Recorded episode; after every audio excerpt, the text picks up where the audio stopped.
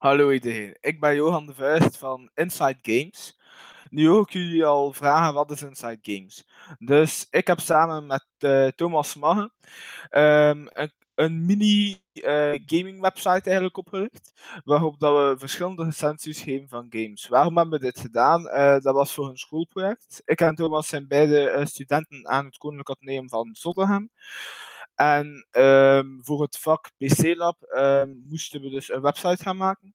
En we hebben dus een website daarover gemaakt en nu willen we daar ook podcasts over maken. Dus we, gaan jullie iets meer gaan vertellen over uh, de, de, verschillende games. Niet alleen over games al uit zijn, maar ook over games die nog moeten uitkomen. Uh, en over onze persoonlijke ervaring erover, maar ook over um, verschillende facts en weetjes dat ons wel leuk lijken en interessant om te weten. Dus dan gaan we nu eigenlijk beginnen met de eerste game. Ja, dank u Joran. Um, inderdaad, we gaan dus nu uh, vandaag beginnen met Tour de France 2020. We hebben eigenlijk dit spel gekozen omdat wij dit al heel veel hebben gespeeld. Uh, daardoor kunnen we echt een goede mening geven en zelf eigenlijk gaan uh, nadenken over wat men eigenlijk beter kan doen in de game voor ons. En wat eigenlijk dus uh, al redelijk goed was. Um, dus uh, ja, Joran, wat denk jij dat, dat ze zo al beter zouden kunnen gedaan hebben? Als ik denk aan die game en over de vele uren dat we hebben ingestoken, denk ik eigenlijk vooral vaak aan een beetje laggy gameplay. Dus ja. er zat vaak lag op. En uh, uh, en spelers bleven ook vaak hangen of een beetje een lompe manier van bewegen in het peloton. En ik denk dat daar eigenlijk in het spel, tijdens de koersen, dat eigenlijk de belangrijkste verandering is die moet doorgevoerd worden. Dat is zeker waar. We hebben dat echt uh, heel veel gemerkt. Uh, dat, dat zorgde er ook een beetje voor soms dat, dat we, laat ons zeggen, gefrustreerd raken, om het lichtjes uit te drukken. Uh, en we eigenlijk soms zelf ja, gewoon geen zin meer hadden om de game te gaan spelen. Uh, wel ja, daar sluit ik mij dus zeker bij aan, want dat was eigenlijk echt wel een groot probleem. En dan denk ik ook die naamgeving, dat dat ook wel, dus er zitten heel veel renners in eigenlijk, maar echt belachelijke ja, namen. Ja, inderdaad.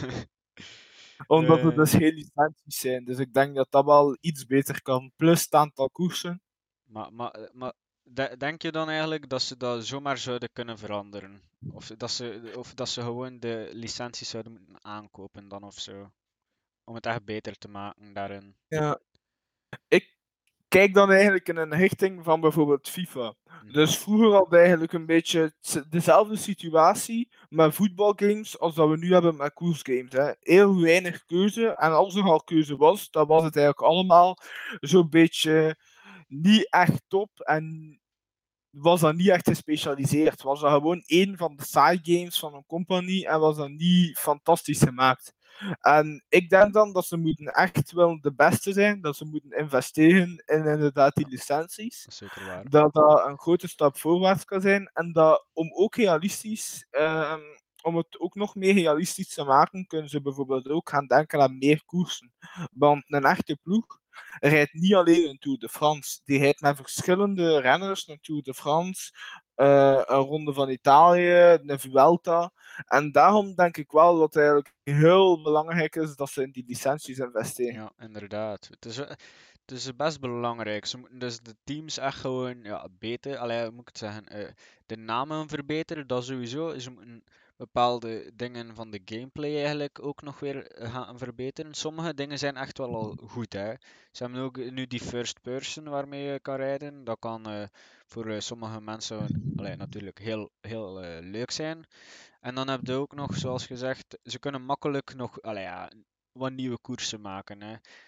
Um, de laatste jaren zijn, zijn het volgens mij, ik denk dat je dat ook wel weet, altijd dezelfde koers. En ik denk dat ze daar nog niet veel vernieuwingen aan moeten brengen. Ja, het is waar. Dat, zou nu niet, inderdaad, ja, inderdaad. Dat zou nu niet zo moeilijk zijn. Uh, denk, allee, jij, hebt dat ook al veel gezegd. Um, dat ze gewoon ja, wat, wat koersen erbij maken. Ja, dat gaat dan uh, een paar jaar weer uh, wat meer tijd kosten misschien om dat te doen. Maar dan, dan gaat je game echt wel veel verbeteren. Hè? Allee, maar ik denk dat die evolutie ook niet zomaar kan gaan. Als we gaan kijken naar bijvoorbeeld een FIFA, die hebben er heel veel jaren over gedaan om te staan waar dat ze nu staan. En dat is gestegen met de populariteit van voetbalgames. Dus ik denk dat het eigenlijk ook belangrijk is dat ze eerst een beetje mensen kunnen lokken naar een game. Want ja, eh, die rechten kosten ook allemaal geld. En om dat te kunnen opbrengen, gaan ze wel eigenlijk eerst denk ik een iets groter publiek moeten hebben.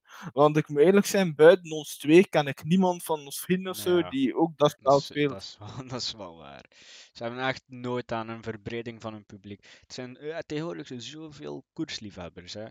Dus het zou zo makkelijk zijn om eh, zo, allee, veel meer eh, jongeren in Frankrijk sowieso en eh, hier in België ook eh, aan te trekken om de game te gaan spelen. hè. Ik denk als ze een goede reclame misschien zouden maken, hebben ze makkelijk tien keer zoveel spelers en dan hebben ze misschien direct ook weer een groter budget om, eh, om, ja, hoe moet ik het zeggen, om ja, een game te verbeteren.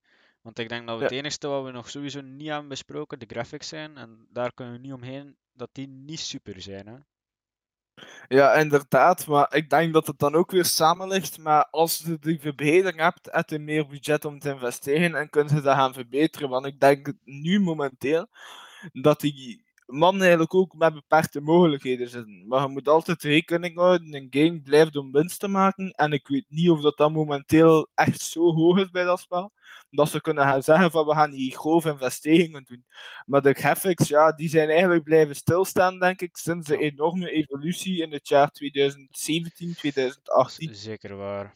Dat is eh, best wel eh, erg. Want voor, voor degene die eigenlijk graag koers spelen, is dat het, allee, of graag naar koers kijken en daar een game van willen hebben, eh, is het erg dat we enkel zo'n game hebben met dan die graphics. We zou, je zou echt mooie landschappen en zo kunnen namaken, denken wij. Ik denk dat jij dat ook wel denkt.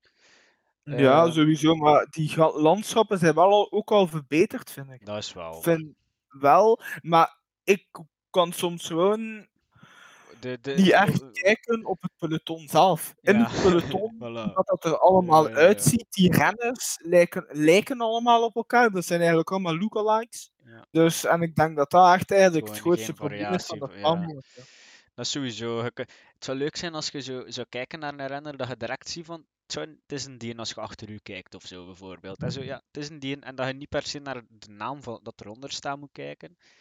En dat je dan ja, zo, zo wat meer variatie hebt in je peloton. Nu zie ik het enige wat je kunt zien of dat een grote is, een brede is, een, een kleine is en een, een smal of zo. Allee, ja, daar kun je niet echt veel uit opmaken. Hè.